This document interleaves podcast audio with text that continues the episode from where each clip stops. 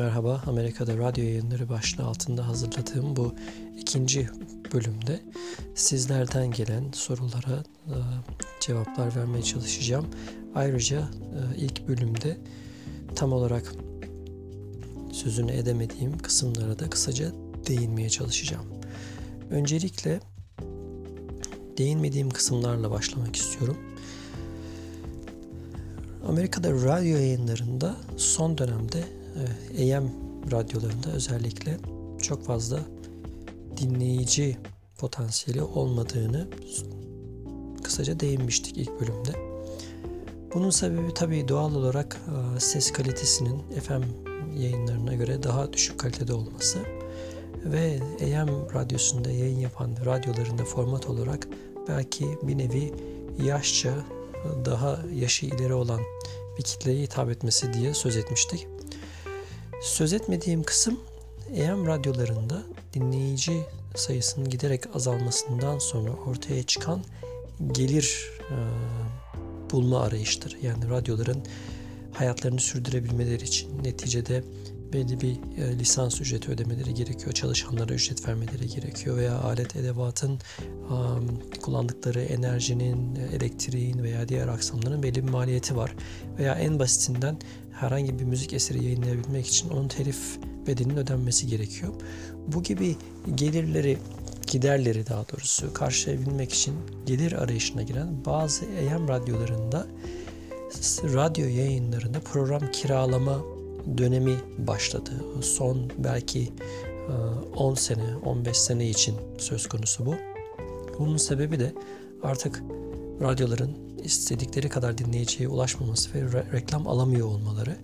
Reklamdan gelmeyen gelirin e, bir şekilde radyo programı yapmak isteyen veya sesini belli kitlelere duyurmak isteyen bir takım grupların, kişilerin e, veya dini oluşumların siyasi grupların radyo programlarını kiralayarak radyo yayını yapmaları şeklinde e, bir dönem başladı. Bu süreçte e, benim bilgi sahibi olduğum bir konu olduğu için az çok size e, maddi anlamda bir rakam da verebileceğim. Kimi radyolar saatliğini 100 dolara, 150 dolara kiralayarak isteyen istediği gün, istediği saatte, arzu ettiği zaman diliminde e, radyo yayınını kiralayıp kendi kitlesine, kendi dinleyici kitlesine ulaşma imkanı buluyor veya dediğim gibi belli bir siyasi görüşe ait e, bir grupsa veya bir de belli bir dini oluşuma aitse kendi bir nevi propagandalarını, bir nevi e, kendi tanıtımlarını yapma imkanı buldular. Dolayısıyla AM radyolarında bu şekilde program kiralama uygulaması çok yoğun. Buna yer yer televizyon kanallarında da rastlıyoruz. Paid programming şeklinde günün belli saatinde genelde gece geç saatlerde olan yayıncılık oluyor ama bunlar daha çok bir ürün tanıtımı, belli bir e, satış amaçlı. Türkiye'de de hani doğrudan satış diye bir ara e, popüler olan uygulamanın bir nevi uzantısı. Ama radyo yayıncılığında bu biraz daha farklı. Bu yüzden farklı dillerde yayın yapan belki bir community var. E, bunlar diaspora dediğimiz yurt dışında yaşayan belli bir e, ülkenin göçmen kitlesi ve bunlar kendi dillerinde bir yayın yapmak istiyorlar. Bu şekilde gün veya saat kiralayarak radyo programında kendi insanlarına yönelik bazen eğitici, bazen bilgilendirici programlar yaparak o, o topluluktan, o komüniteden de e, bağışlar yoluyla veya reklam yoluyla para kazanarak bu kiralama işlemini gerçekleştiriyorlar bundan söz etmek istemiştim. Bir başka söz etmek istediğim kısım e, benim dikkatimi çeken bir kısım. Ben e, Amerika'nın Northeast dediğimiz Kuzeydoğu bölgesinde ikamet ediyorum.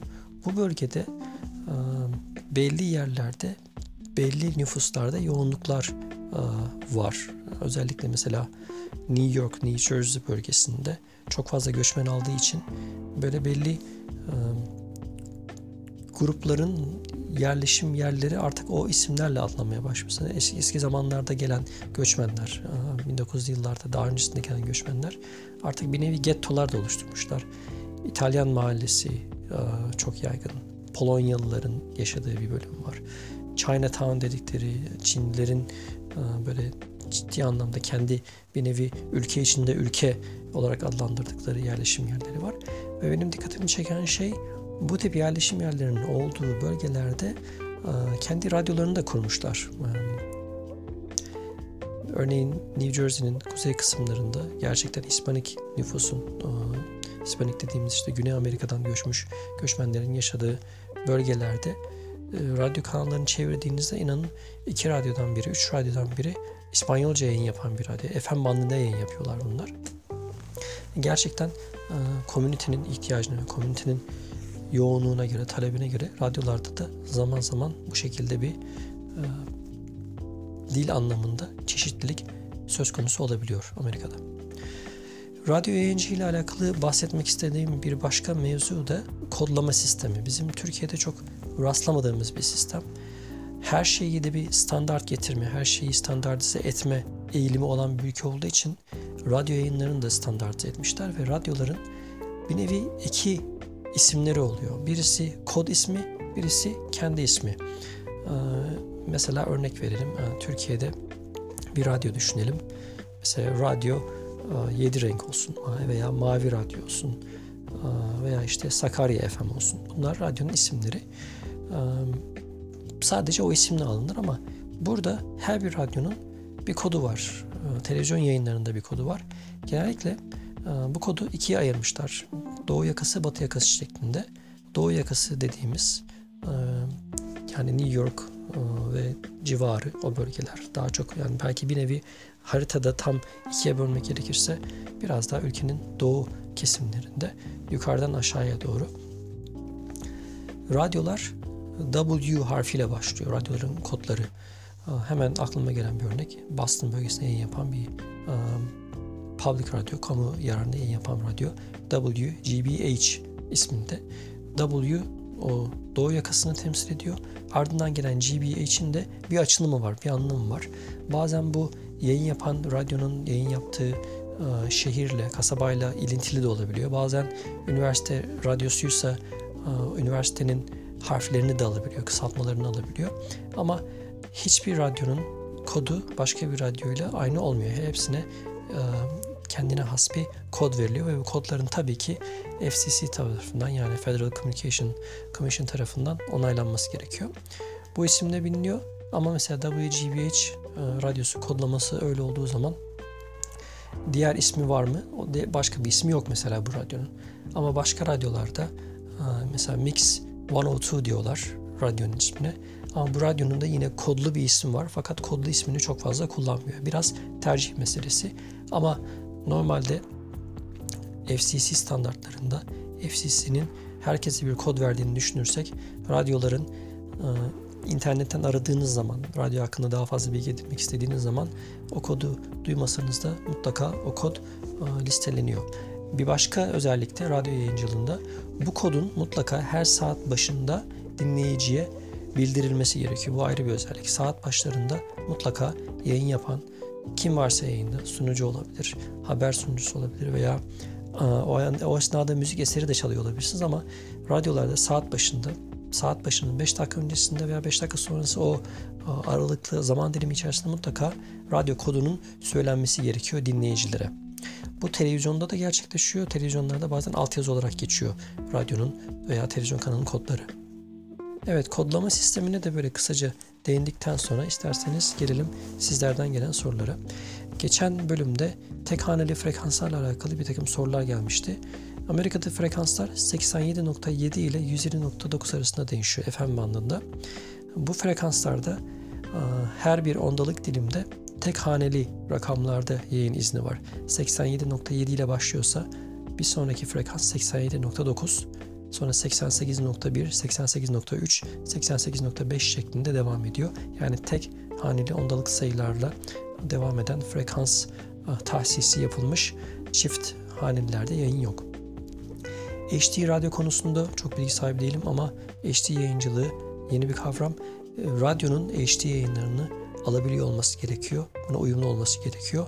Bir frekans üzerinden birden fazla radyo yayınını dinleyebiliyorsunuz HD yayıncılıkta.